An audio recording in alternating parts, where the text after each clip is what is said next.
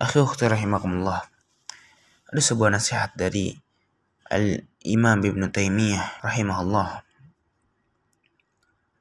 Ketika seorang penuntut ilmu melihat perbedaan atau perselisihan di antara para ulama, apa yang harus dia lakukan? Apakah dia langsung melihat artikel-artikel atau dia harus membuka kitab-kitabnya atau dia langsung menanyakan ke ustadznya? Jawaban itu salah. Dan kata Syekh Saleh Al-Usaimi, aib bagi penuntut ilmu jika melakukan hal tersebut.